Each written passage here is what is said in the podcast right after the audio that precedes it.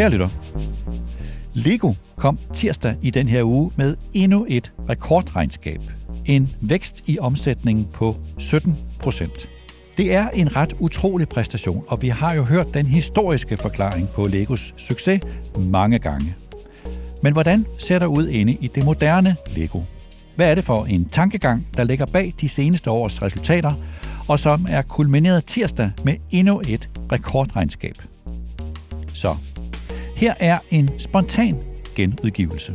Jeg talte med Legos topchef Niels B. Christiansen i sommer. Det var en optagelse, som vi lavede som en slags opfølgning på en tidligere optagelse, som jeg lavede med ham tilbage i 2019. Den første optagelse handlede om Niels B. Christiansens forståelse af Legos strategi ret kort tid efter, at han var tiltrådt som topchef. Og den nye optagelse, som vi lavede i juni sidste år, den handlede om, hvordan han efterhånden havde fået en dybere forståelse af Lego.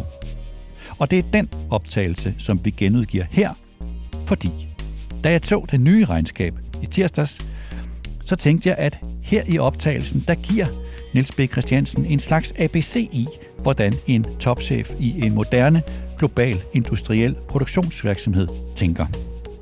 Og ja, jeg er helt med på, at de filosofiske mennesker i Billund, som er så optaget af børns leg og læring, at de vil blive ret krænket over at blive sammenlignet med en industriel produktionsvirksomhed.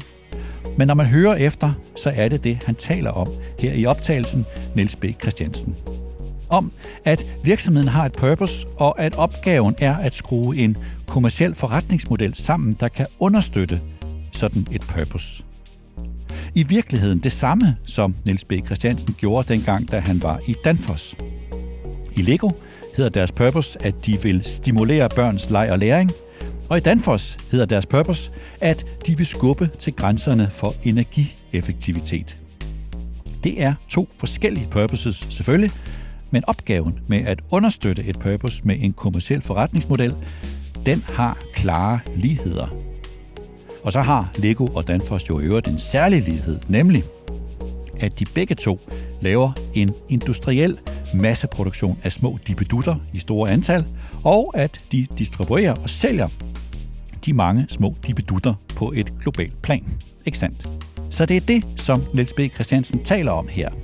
Et kig ind i et moderne maskinrum i en produktionsvirksomhed, om salgskanaler og digitalisering, om supply chain og kompleksitet, om bæredygtighed og ESG, om uforudsigelighed som en new normal, og så til sidst hans forløbige lære af årene som topchef i Lego.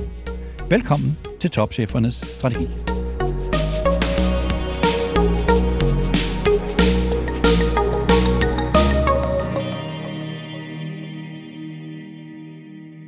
Niels B. Christiansen, tak fordi jeg måtte komme. Ja, så tak. Øh, Niels, jeg var her jo for tre år siden og lavede en podcast dengang, og jeg har længe tænkt, at det kunne være sjovt at komme tilbage, simpelthen for at tale med dig om to ting. Det ene, nemlig sådan de mere filosofisk fundamentale ting omkring Lego. Har dine svar på, på de spørgsmål ændret sig i løbet af de tre år? Og så prøve at tale med dig om nogle af de helt aktuelle temaer, som både Lego naturligvis, men alle CEOs jo i øjeblikket øh, kæmper med. Så det er sådan min, min dagsorden. Mm-hmm. Så det, jeg vil lige vende tilbage til, øh, som vi talte om dengang, det var øh, to spørgsmål. Og det første spørgsmål, det var det her med, hvorfor eksisterer Lego? Altså er Legos øh, eksistensberettigelse, purpose, hvad man nu kalder det, er det det samme i dag, som efter din opfattelse og din forståelse af det, som det var for tre år siden? Ja, det er det, og, og i virkeligheden kan jeg vel sige, at nu fyldte vi 90 år her for i fredag, og vi fejrede det. Så det er jo faktisk også det samme, som den har været i alle de 90 år. Så det med, at vi, vi, vi arbejder virkelig på at, at give børn den bedst mulige start på, øh, på livet, og give dem nogle af de værktøjer og de øh, evner, der skal til at klare sig godt igennem livet, og, og få dem ind via leg tidligt i livet. Det er sådan set nøjagtigt det samme, tror jeg, som, som vi snakkede om for tre år siden, og det står sådan fuldstændig fast, at det er det, vi vil. Så kan det jo over tid udvikle sig lidt, hvordan gør man bedst det i den verden, der eksisterer, men, men, øh, men selve purpose eller eksistensberettigelse. At stimulere børns lejlæring. Ja, simpelthen. Det er uændret. Ja. Yes. Det andet, jeg spurgte dig om dengang, det var, hvad er egentlig Legos kerneforretning? Og grunden til, at jeg spurgte om det, det er, at øh, det møder jeg jo indimellem andre topchefer, som ikke har sådan helt skarpt øh, svar på. Og dengang, der sagde du, at Legos kerneforretning, den hvilede i princippet på fire elementer, nemlig på klodsen, på byggesystemet, på brandet og på fællesskaber. Er det uændret i din opfattelse af din forståelse af Legos kerneforretning den samme i dag som, som for tre år siden? Ja, det, det er fuldstændig den samme, og måske den aller, de allervigtigste elementer, det er netop, som du siger, øhm, det er byggesystemet, hvor klodsen jo er en integreret del af det.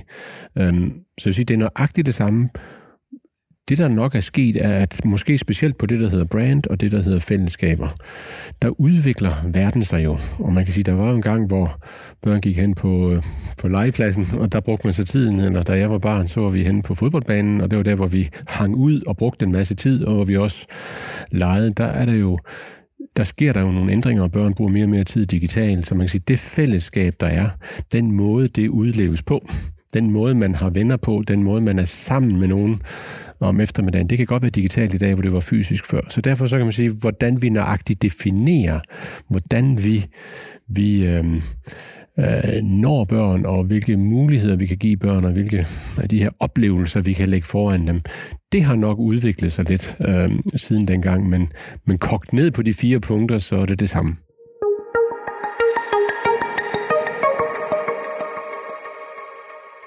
Okay, vi kommer tilbage til det.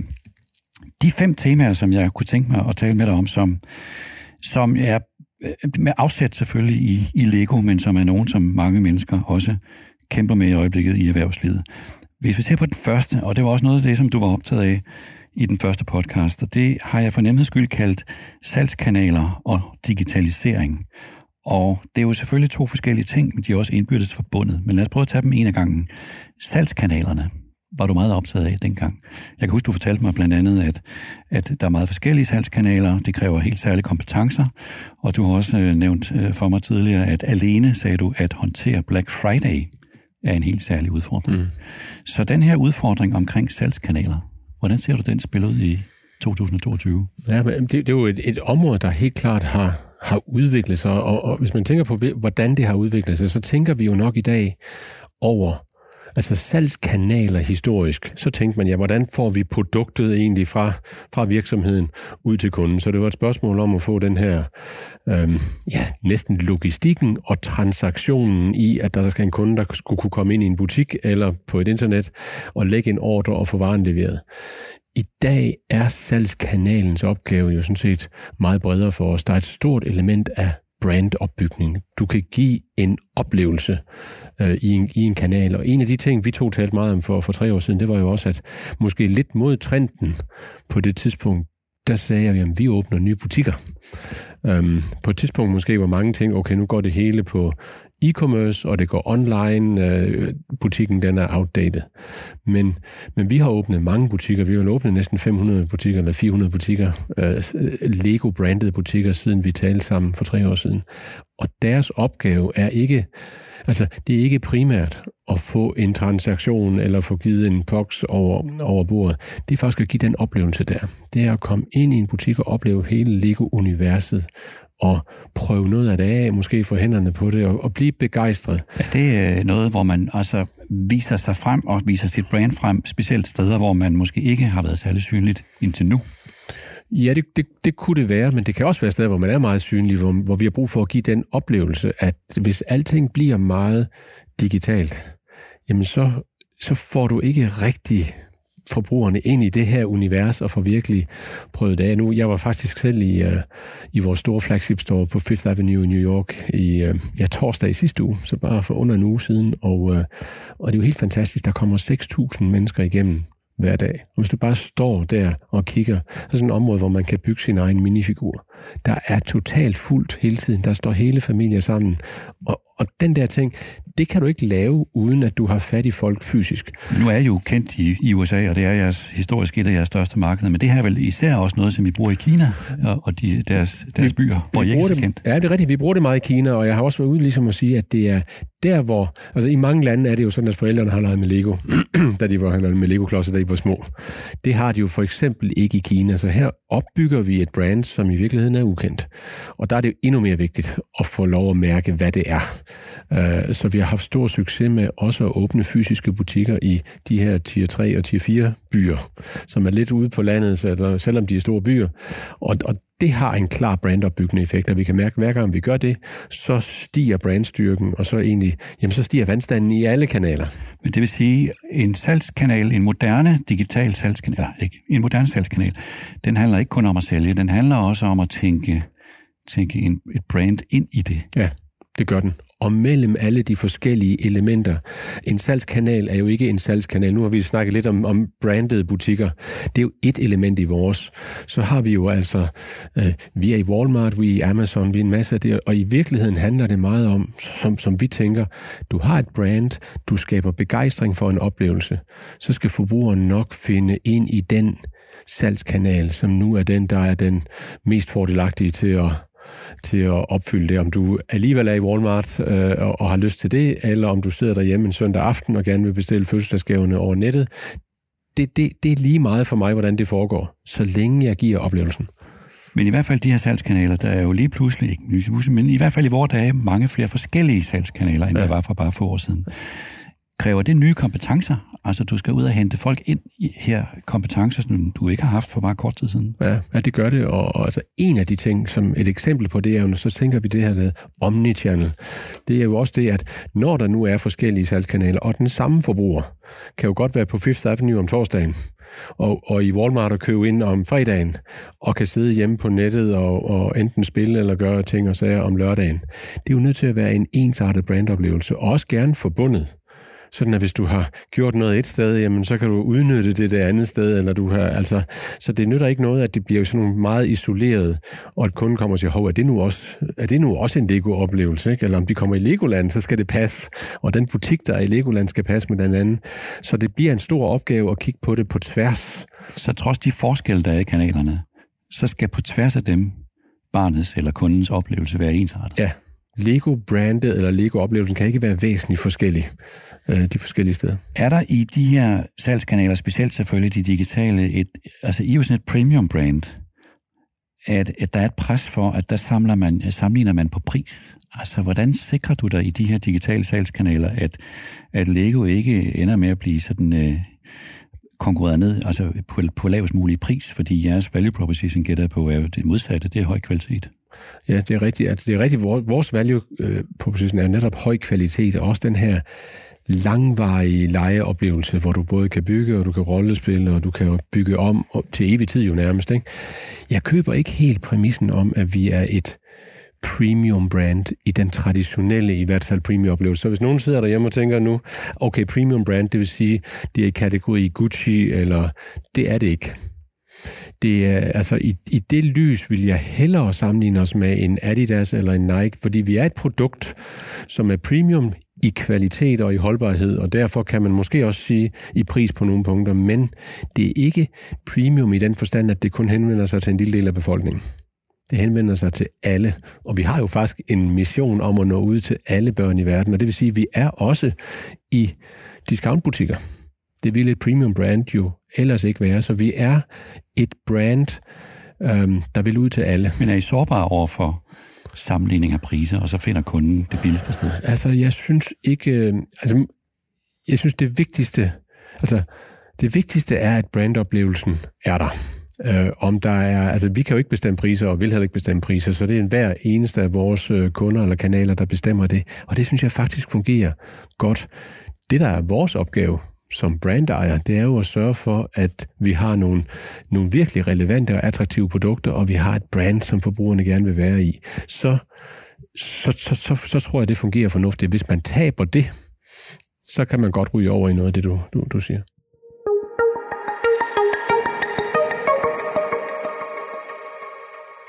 Tæt forbundet med det her med salgskanaler er jo digitalisering som sådan. Mm. Det er jo et kæmpe emne, som vi kunne tale om i, i timevis. Men I er jo en virksomhed, som bygger på en historisk, en fysisk klods, og den byggeoplevelse, som den fysiske klods tilbyder. Hvordan, håndterer du det? Hvordan sørger du for, at den tilfredsstillelse og stimulering af, af børns eller andres kreativitet udfolder sig i et digitalt univers?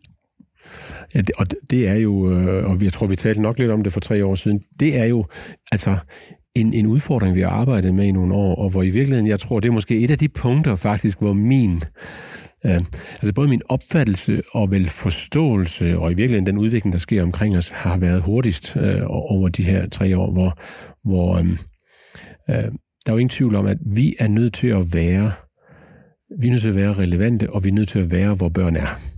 Øh, så man kan sige tilbage til det med, at vi er for alle, så kan det jo ikke nytte noget, at børn bruger al deres tid digitalt, og så fordi vores, vores legeoplevelse omkring en fysisk klods er fysisk, det betyder jo ikke, at vi skal være fysisk. Så, så jeg tænker meget mere omkring, og måske kan vi tale metaverse på et tidspunkt, jeg tænker meget mere omkring, at, at den, når børn er digitalt, så forventer de, at de brands og de oplevelser, de også har i den fysiske verden, den kan de også finde der. De sidder ikke og tænker, nu er jeg gået ud af mit værelse ind i en digital ting. Og derfor så skal Lego-brandet være til stede på sådan en autentisk og altså den samme måde i en digital verden. Så for eksempel, så kunne man jo sige, at hvis man kan bygge en flyvemaskine med fysiske klodser, så kunne det også være meget fint, man kunne få den ind, så når man sidder og laver noget digitalt, så var den samme til rådighed, og, og den anden vej rundt. Sådan at det nok er lidt mere den vej, at det bliver sammensmeltet i en oplevelse, hvor den fysiske byggeoplevelse er et nøgleelement, men vi er der også digitalt. Ja, for jeg, jeg har tidligere udfordret dig lidt på det her med at sige, jamen det er jo godt nok, vi har den her klods, og den har vist sig at være fuldstændig enestående i forhold til at tilbyde en byggeoplevelse, men set udefra, så ser det ud som om, I stadig efter de her år kæmper med at løfte byggeoplevelsen over i den digitale verden, altså at det populært sagt stadig er Lego City, I tjener jeres penge på, og hvor du var lidt inde på det sidste gang, jamen det er en forenklet måde at se på det på. Ja. Så hvad er jeres bud af nu 2022 på at, at, at, at skabe den her byggeoplevelse, også i den digitale verden? Jamen, jeg tror, du, jeg tror, du skal tænke på, øh, det er ikke, man skal ikke replikere den fysiske byggeoplevelse i den digitale verden. Man skal lave en totaloplevelse. Og det vil sige, det kan godt være i den totaloplevelse, at selve byggeoplevelsen, den er fysisk men der er en hel masse i den digitale verden, der relaterer direkte til det, der giver dig lyst til at lave den fysiske byggeoplevelse, og bagefter der kan, kan videreoverføre den tilbage ind, så du kan lave noget digitalt med den. Og derfor så er det heller ikke så meget, som jeg tror, vi måske tidligere har tænkt på, at vi skulle have et alternativ, eller du kunne komme til mig og sige, ja ja, men I tjener stadigvæk 80% af jeres penge på de fysiske produkter. Det tror jeg måske, vi skal på langbane, men oplevelsen er en total oplevelse. Så vi tilbyder en masse digitalt, som jo i virkeligheden også er med til at begejstre forbrugere og børn for brandet, som så i sidste ende lægger lægger nogle af pengene, fordi de også er med i den fysiske verden og gør det. Og det er den måde, det spiller ud på.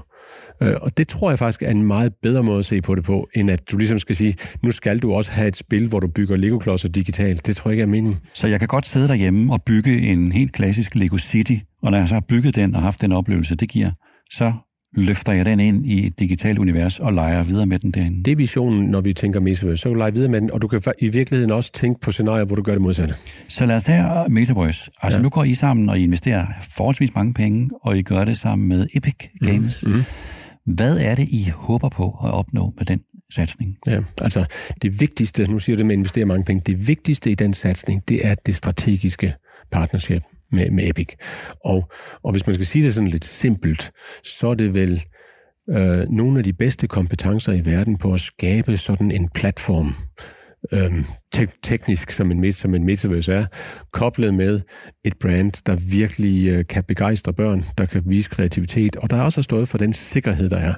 Koble de to ting, og så lave den her oplevelse, som, som modsvarer det, vi faktisk lige så har talt om. Øh, og det, det er jo visionen, at vi kan realisere nogle af de ting ved at koble de bedste, de bedste programmører i verden sammen med et brand af vores type. Det er i virkeligheden dit sats på, og dit, dit, dit svar på den udfordring, som vi lige talte om for ja, siden, og som, som ligger jo har arbejdet med, hvad, 20-30 år i virkeligheden, ja, siden Mindstorms. Ja, ja ja, det det er mit svar, men der er jo mange af de ting, vi har, der så, altså vi, øh, hvis du tager, vi har, vi har lige øh, lanceret det her øh, øh, Lego Star Wars øh, Luke Skywalker, så ikke? Det, er jo, det er jo bare et af de mest populære spil i år. Det er det mest populære videospil, vi nogensinde har lavet. Så det er ikke fordi, vi ikke kan lave det, men det bliver elementer i hele den her pakke. Ligesom vi har Lego Life, hvor der er 10 millioner, øh, der, der, der logger ind hvert år og downloader og gør vi. Alle de her elementer kan ligesom blive, om du vil, paketeret og sat sammen i en digital verden, der gør det meget, meget nemmere at, at tabe ind i lige netop, hvad jeg har lyst til og koble det fysisk. Og det tror jeg, vi kan lave med det her. Metaverse er jo stadig noget, man taler meget om, og alle orienterer sig imod det, og der er ikke rigtig ja. nogen sådan for alvor endnu, der har vist, hvad Metaverse er. Men det vil sige, du køber ind i, at Metaverse, det er, det er en, en fremtid, som er realistisk. Det gør jeg. Det gør jeg, og jeg har også min egen øh, opfattelse af, hvad jeg tror, det bliver, og jeg har også, øh, altså jeg er meget, det er et meget bevidst valg at gå med Epic med den filosofi, der er omkring. Jeg var faktisk i, i North Carolina jo i sidste uge og, og brugte tid både med, med Tim Sweeney, som er founderen af Epic, og, og hele, hele teamet omkring alle de, altså alle de super idéer, der er på bordet nu, som vi skal realisere. Og det, det er bare fantastisk at, at se, hvordan det kan ske. Der, der er noget, når man tænker om metaverse, så er der mange forskellige definitioner. I min opfattelse er det det, det er en platform, lidt af de sociale medier, vi har i dag, men en mere avanceret platform, hvor du kan tilgå en hel masse ting. Du kan sådan set være der. Det er der, du hænger ud, du går til koncert der, du køber ind der, du er, er med dine venner der, du spiller spil der, du, gør, du, du går i biografen der, hvad, hvad end du gør. Og, og jeg tror, der kommer til at være et antal platforme, ligesom vi har kendt et antal øh, øh, sociale medier. Der bliver ikke et metaverse. Der bliver ikke et, tror jeg, selvom der er nogen, der har kaldt sig meta. Jeg tror ikke, der bliver et. Jeg tror heller ikke, der bliver, sådan har det jo været med digitalt, der bliver heller ikke 100. Der vil være vindende platforme. Det, der ligger meget til Lego-brandet, det er at være en, en, en, uh, altså en nøglesten, så en vigtig spiller i en af de her platforme, og forhåbentlig den, som er den mest åbne platform. Vi vil jo gerne kreativitet. Vi vil gerne have dem, der sidder og laver en masse ting. Alle de creators, der er også er digitalt, at de kan komme til bord, og de kan arbejde på det i en åben platform, og det ikke er noget, der er overkontrolleret af en virksomhed. Og derfor er det her et rigtig godt match.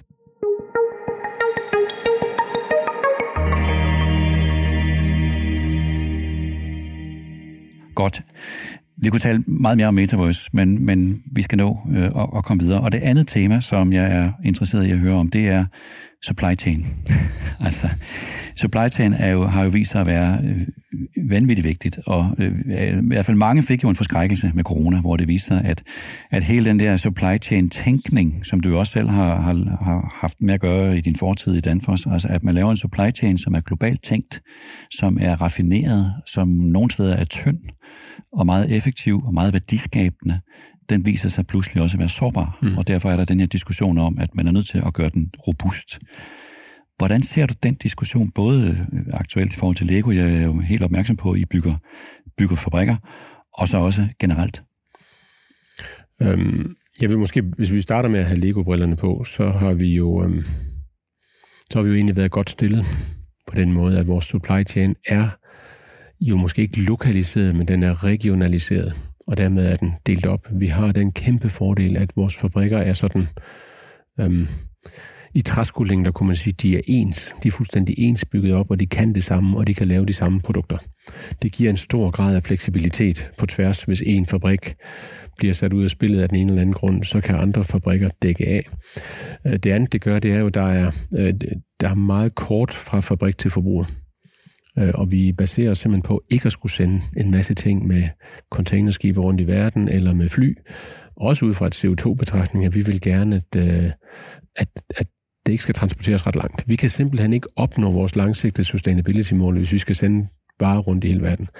Så derfor kan man sige, lidt på ryggen af, at vi har fået en god struktur sat op, så er det også, når vi så bygger nye fabrikker, så bygger vi dem jo til at servicere det område, der er. Så når jeg var i USA i sidste uge og annoncerede, at vi bygger en fabrik i Virginia, så er det til at supportere markedet i USA og Amerikas. Så dit principielle svar på den her diskussion omkring sårbarhed og robusthed, det er at, at bygge fabrikker, producere så regionalt, som det nu er muligt? Ja, det, vil, det er i hvert fald den vinkel, man kunne have. Den anden, du kunne sige, det er, at man har en vis redundans i sit system. På den måde, at du ikke har én fabrik eller én underleverandør på et punkt, så har du i hvert fald to forskellige, lidt uafhængige kæder, sådan, så hvis du ikke pludselig ikke kan få leverancer fra et land eller, eller et system, så har du et alternativ. En redundans, det lyder jo lidt som noget, der koster penge. Jamen, det er det. Jo, jo, men det er det. Men, men jeg vil nu sige nu, selvom, og det, og det ved du, jeg har haft meget fokus på supply chain i mange år, jeg har altid været ekstremt fokuseret på det, vi kaldte dual sourcing at det er ikke sjovt at sidde i en situation, også selvom du kan spare nogle cents på en, en komponent, at du kun har én leverandør. Ja, for du har jo selv lært mig i din fortid i Danfoss, altså hvor det blev efterhånden jo en hel videnskab, det her med at have så små lager som muligt. Ja. Altså at tingene kom ind i sidste øjeblik og ud hurtigt, ja. og ovenikøbet øh, sådan også i forhold til at, at betale leverandør og så videre. Og, og det, det siger jo sig selv, så bliver man sårbar. Ja, og så har noget af, øh, i udgangspunktet ja, men det der bare altid har vist sig, Niels, det var det, at med store lager, der er det altid det forkerte, du har på lager. Så det er nogle gange lidt misforstået at tro, at altså, konceptuelt selvfølgelig er det godt at have ting på lager, men kun hvis du har det rigtigt. Når jeg, når jeg ser produktionsvirksomheder rundt omkring, så virker det på mig som om, at nu er vi i år tre efter, at corona kom, at mange af dem er stadigvæk lidt tøvende omkring de her ting. Altså at supply chain er så komplekst mm. og så vigtigt, at de stadig øh, tøver lidt med at bryde op i den og gøre den mere robust. Ja. Og det tror jeg, det tror jeg er rigtigt, og jeg kan godt se udefra nogle gange, når man kigger på det, så kan det virke som, at det går for langsomt, men, men altså, supply chain er jo nærmest som ryggraden i en virksomhed, ikke? Og, øh, og du bygger, du kan se, den fabrik, jeg lige annoncerede sidste uge, den kommer jo, øh, vi gør det så hurtigt, vi overhovedet kan, og så producerer vi i andet halvår 2025. Så det fortæller lidt om, hvor lang er, og så har vi jo faktisk været i gang et stykke tid med at finde det, det sted at bygge og gøre ved. Så der er lang bremselængde og ændringshorisont i en supply chain. Sådan er det nødt til at være, fordi den er også relativt optimeret. Så derfor tror jeg ikke, der er nogen, der sådan siger, vi gør bare lige sådan. Men jeg tror, du vil se over det næste år, to, tre, så er der mange, der har gjort noget. Og så begynder de at gøre det. Med i diskussionen om supply chain hører jo diskussionen om kompleksitet. Ja. Kompleksitet er jo mange ting. Alt, mange, mange ting, men lad os tage den her. I har jo stadigvæk en høj vækst i Lego. Mm. Væksten fortsætter. Ja. Og øh, det, det er jo, der er jo et berømt citat af Chris Zook, at, at uh, complexity is the silent killer of growth. Altså, hvordan styrer du den her vækst, så du ikke sender til i kompleksitet? Ja. For os er det her jo, det er jo en meget relevant spørgsmål, og noget af det, altså da jeg kom til for fem år siden, der var noget af problemstillingen jo, at jeg var, det første jeg gjorde, var jo i virkeligheden at komme ind og få fjernet en hel del kompleksitet. Jeg ser vel egentlig kompleksitet som to ting. Um, fordi det der med at sige, okay, vi skal bare fjerne al kompleksitet for en virksomhed, det har jo ikke mening. I sidste ende er det at kunne håndtere kompleksitet på det, der virkelig er vigtigt, det er faktisk med til at skabe din konkurrencefordel, og hvis du gør det rigtigt, så er det derfor, du kan tjene penge på noget, og du, og du har en position. Så det er jo ikke det samme, som at sige, at vi ikke skal have noget.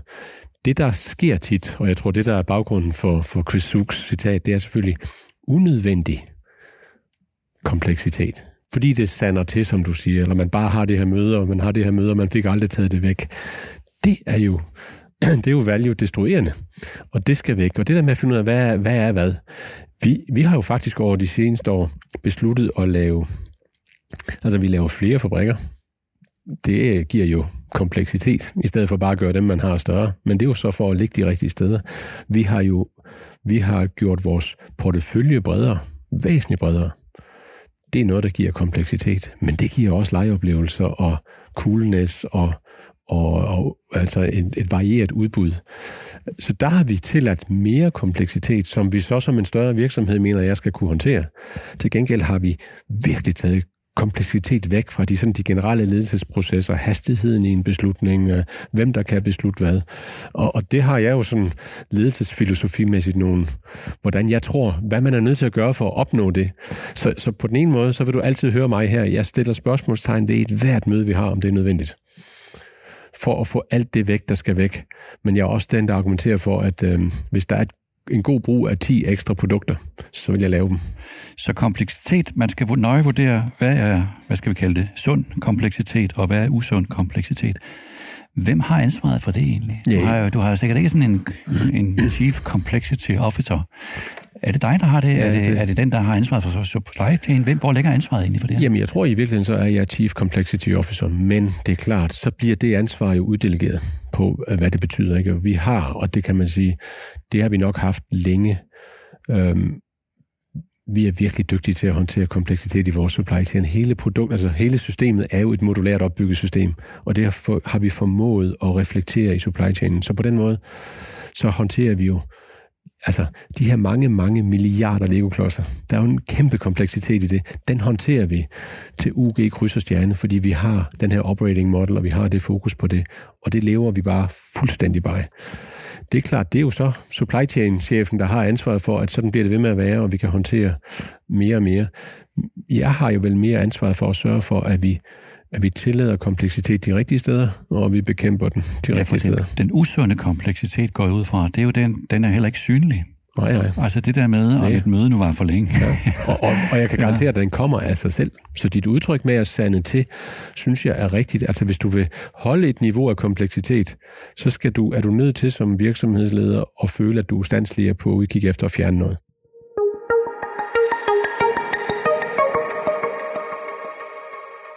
Det tredje tema, det har jeg kaldt bæredygtighed, skråstreg ESG, og det er jo også et stort emne, som omfatter mange forskellige ting. Men lad os prøve at starte et sted. Omkring bæredygtighed, det er jo sådan en strukturel udfordring, som alle er optaget af. Uanset hvad der øvrigt sker i verden, så, så er det en strukturel udfordring, alle må orientere sig efter. Jeg kan jo huske, at Lego i mange år har været optaget af det her med plastik af gode grunde. Ja. At, at man ser for sig en man er nødt til at finde et, noget andet end plastik.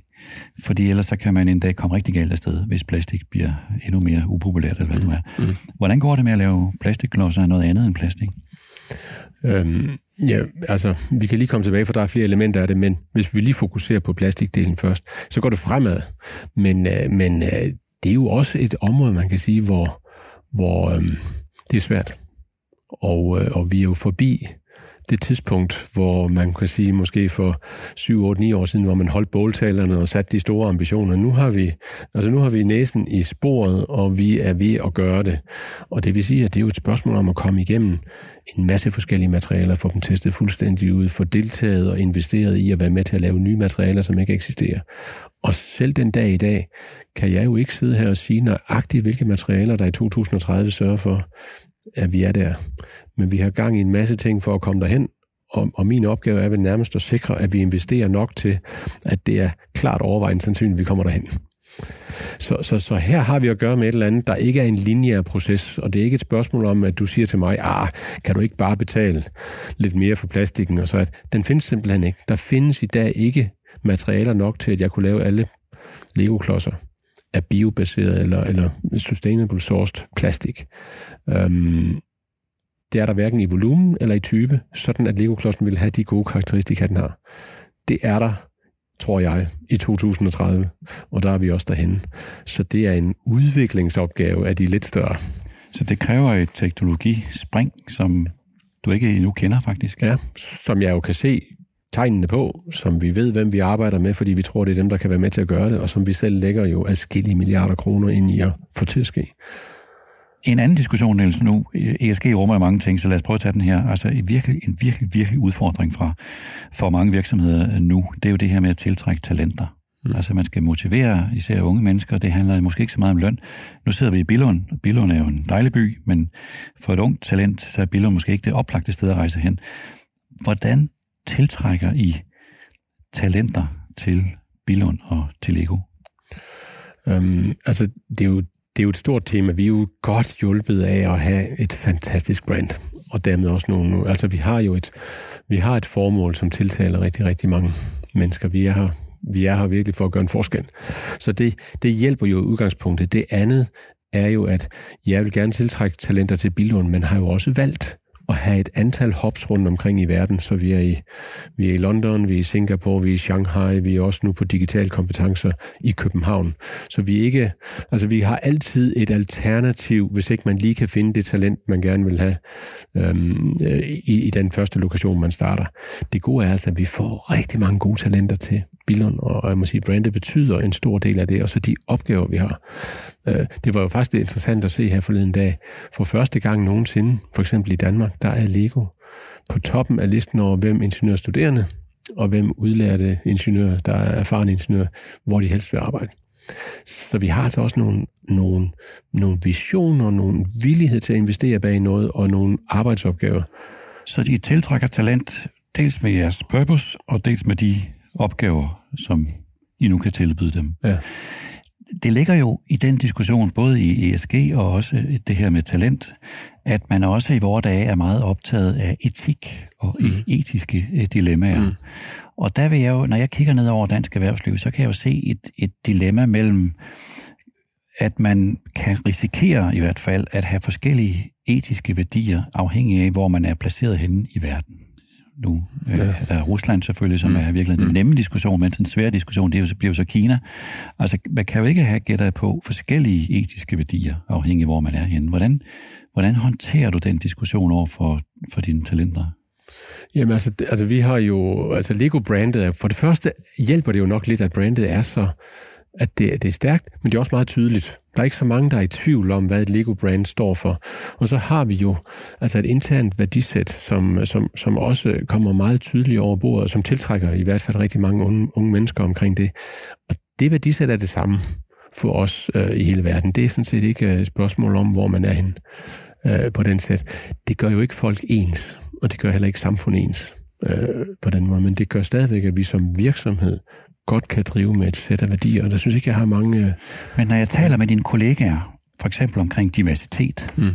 og spørger, hvordan håndterer I det, så får jeg jo selvfølgelig svaret, at men det er positivt, og diversitet, det giver flere vinkler, og det er vi glade for. Og når jeg så slukker båndoptageren, ja. så siger de, at det er svært. Øh, det er svært. Man kan meget nemt komme til at sige noget forkert. Man kan nemt frygten for en shitstorm. Øh, man kan knap nok fortælle en vittighed længere, fordi den kan opfattes ja. anderledes i ja. en kultur. Ja. Det må være en udfordring, du også ja. tænker med, tænker ja, over. Ja, altså, det, det er jo Ja, den er der. Det, jeg, jeg har det ærligt ikke sådan, også selvom vi slukker altså, øh, mikrofonen. Jeg tror, altså, vi er langt fremme langt den rejse, og det, jeg tror også lidt det der med, at vi vil jo gerne give alle børn i hele verden, uanset hvor de kommer fra, hvilken familie og hvilken baggrund de har, øh, alle muligheder. Og det, det gennemsyrer lidt. Um, så det er... Altså, jeg brænder aldrig ind med en vidighed, som jeg ikke vil øh, på den... Altså, fordi det, jeg tænker ikke rigtig sådan mere. Jeg tror også, jeg har bevæget mig over de sidste 10 år. Det, det vil jeg gerne sige, men det er, der er vi, der er vi lidt langt, og vi er også lidt hjulpet af, af de ting, og jeg synes, der går vi jo ikke på kompromis. Altså, det gælder alle steder. Men, ikke? men du er en global virksomhed, ja. det må man jo sige. Ja. Og der er diversitet jo et virkelig vigtigt emne. Mm. Hvor meget fylder det i din hverdag, også når du skal præsentere noget for nogle medarbejdere, måske en anden kultur ja. over Teams ja. eller Zoom? Det fylder rigtig meget. Det fylder rigtig meget, og det, er jo, det, er jo, det, altså det, det fylder meget både i forberedelse og i bevidsthed. Uh, men det tror jeg også, det skal, hvis man oprigtigt skal leve det. Så skal det jo være. Så skal det jo være sådan, at, at det er jo ikke bare en båltal, vi holder, eller noget, der står på vores hjemmeside, og det er det ikke her. Og, og, og vi har da også over tid haft oplevelse, det har jeg da også selv oplevelser internt, så kan kalde dem shitstorms, eller hvad det er, men i hvert fald, hvor nogen reagerer over noget, det er jo ikke i udgangspunktet en, altså, det er jo ikke en katastrofe. Hvis du har en kultur, der er åben, og folk ved, okay, kommer der det, jamen så lærer vi af det, og vi kører frem omkring det. Hvis du sådan prøver at lukke den til, så har du nok et problem. Og der har vi en meget, meget åben dialog kørende med alle. Altså, hvis du går på vores jammer, så, er det, øhm, så tror jeg, den ser anderledes ud, end den gør i mange virksomheder. Så, så det er meget inde på livet hver eneste dag. Så det, det er sådan set virkelig en del af dagligdagen på en måde, jeg tænker lidt mindre over. Du oplever ikke, at diversitet rummer nogle indbyrdes konflikter, for eksempel blandt medarbejdere, som det kan være svært at forene? Jo, det, det rummer konflikter, men det gør det jo sådan set uanset, om du lader det komme til overfladen eller ej. Så, så jeg, jeg køber præmissen om, at, at hvis der var nogen, der troede, at det var løst med bare at få en bedre repræsentation, så du sagde, nu har jeg mænd og kvinder og, og, og, og alle mulige kulturbaggrunde og underrepræsenterede grupper samlet. Det er sådan set bare startpunktet. Den egentlige lederopgave, den kommer at udnytte den diversitet og rent faktisk få det til at ske, og det starter med at blive mere svært, før det bliver bedre. Det tror jeg bare, man skal i. At, øh, fordi så jeg er enig med dig, du hører bare nogle ting. De ting er der bare alligevel, selvom du ikke hører dem. Og det er nok bedre at høre dem, tror jeg.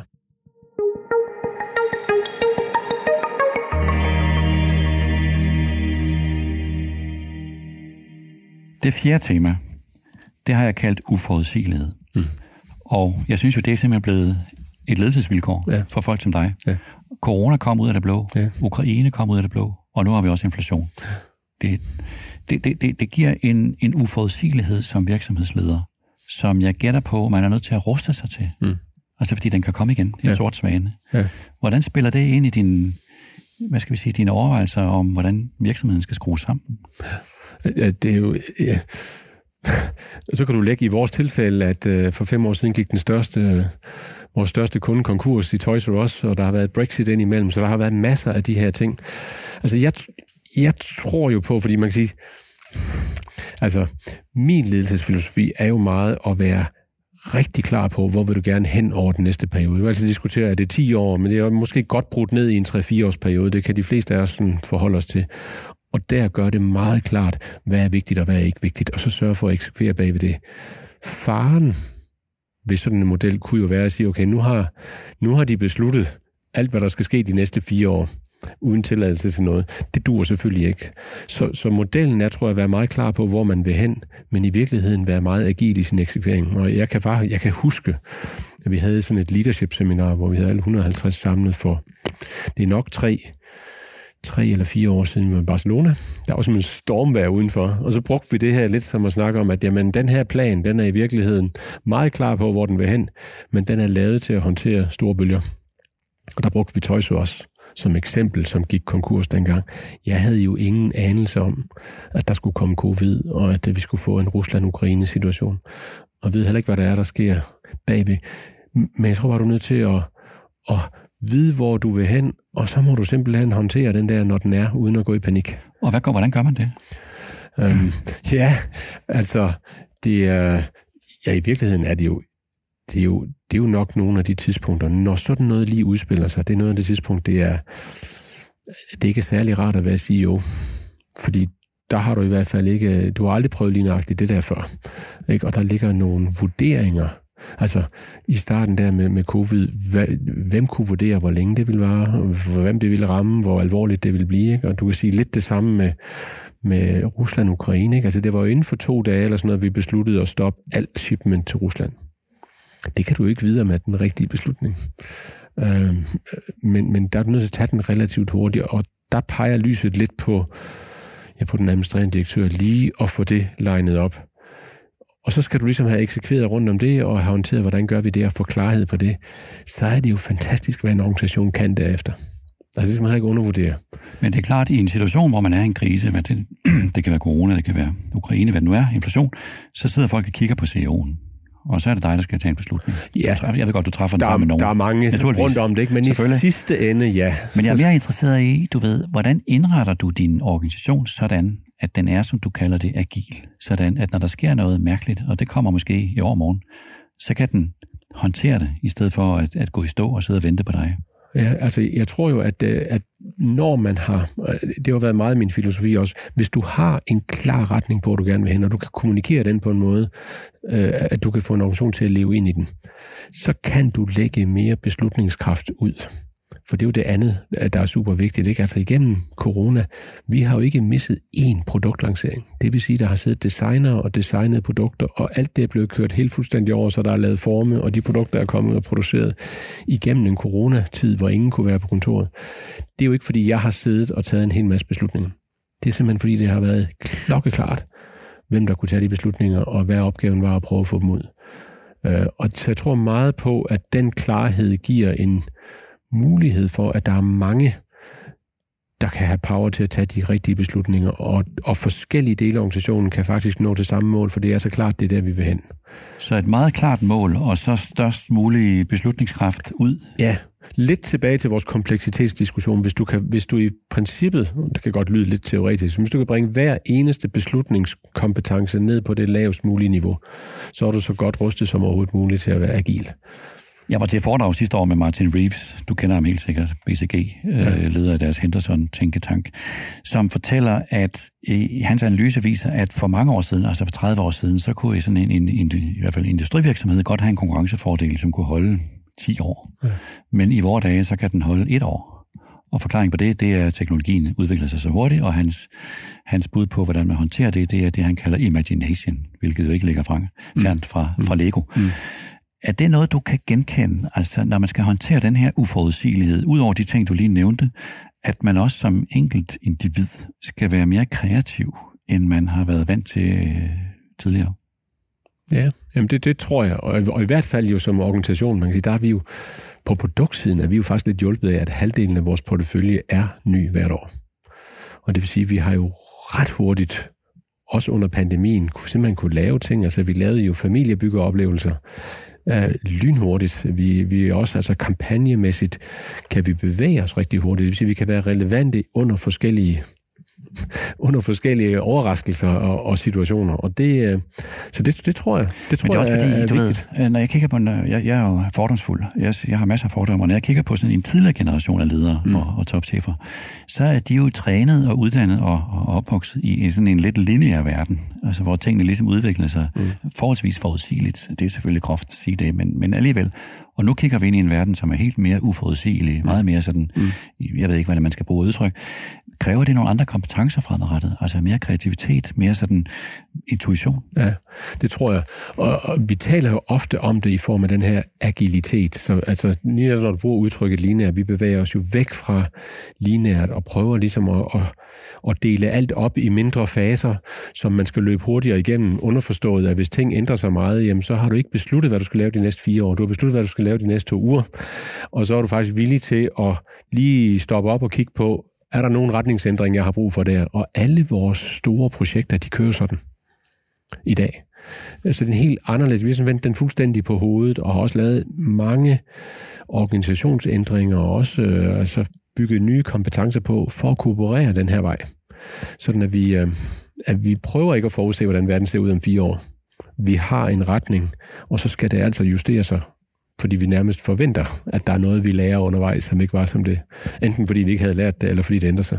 Så du skal som øverste leder, du skal i stedet for at gå rundt og kontrollere folk, så skal du øh, give dem plads og ikke blive nervøs, når tingene de øh, går en anden vej, end du havde egentlig planlagt. Ja, det, det tror jeg, der er noget om, og der kommer til at være, tror jeg, hvis vi, hvis vi, øh, at vi går ind i en periode, hvor der nok kommer, øh, der kan jo godt komme lidt turbulens igen, der kan også komme noget, altså der er nogen, der snakker recession, der, øh, og man kan sige, der tror jeg, det bliver vigtigt for virksomheder at holde fast i, det lidt længere, i vores tilfælde sustainability og digitalisering. Der er ikke meget mening i og begynde at skære ned på det, fordi der er to måneder, hvor man sælger mindre.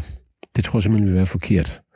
Øh, og så der kommer også lidt der, hvem har tilstrækkelig is i maven til selvfølgelig at prøve at holde fast i tøjlerne, men sørge for, at de ting, der er de fundamentale, at de, rigt, at de rent faktisk bliver bevæget videre, og de får lov at være agile. Fordi det er jo tit i kriser, så trækker, så bliver ting centraliseret.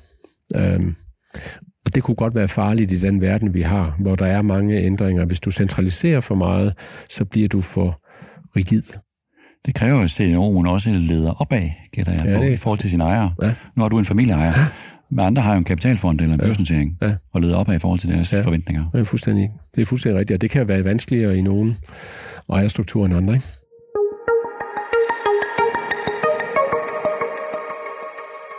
Niels, vi skal til at slutte. Femte emne, vi har travlt. Nu har vi været igennem øh, undervejs, hvad du har din forståelse af Lego og de her temaer, aktuelle temaer. Hvis du, du helt på falderæbet skulle, skulle prøve at opsummere, nu har du været her i fem år. Hvad den Niels B. Christiansen, som sidder overfor mig nu i forhold til for fem år siden, hvad, hvad har du lært?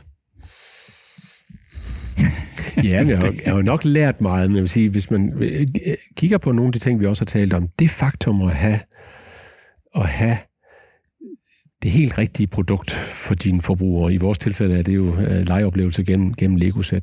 Den investering i portefølje, både at gøre den bredere, mere spændende og, og med alle mulige elementer i, har været enormt vigtig. Uh, og det, det ser jeg skarpere i dag. investering i produkten. Investering bag porteføljen og alt, hvad der følger der.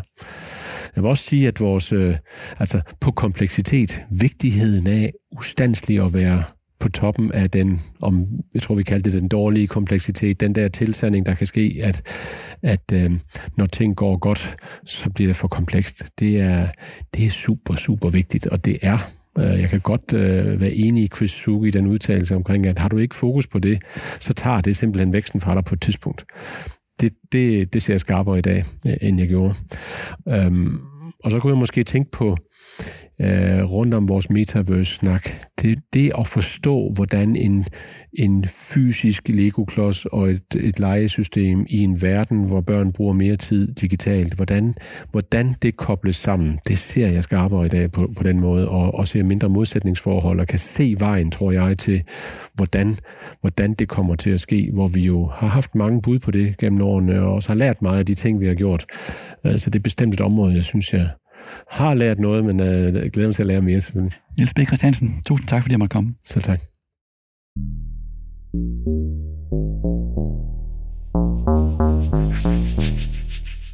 Det var denne genudgivelse af optagelsen med Niels B. Christiansen fra sidste sommer, med afsat i det regnskab, som Lego kom med tirsdag i denne uge.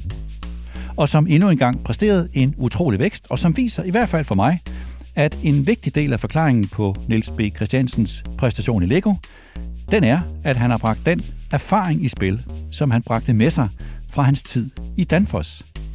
Et eksempel simpelthen på et moderne, industrielt livssyn. Tak til Niels B. Christiansen, tak til Mihe Christensen, der redigerede optagelsen, og tak til dig, der lyttede med.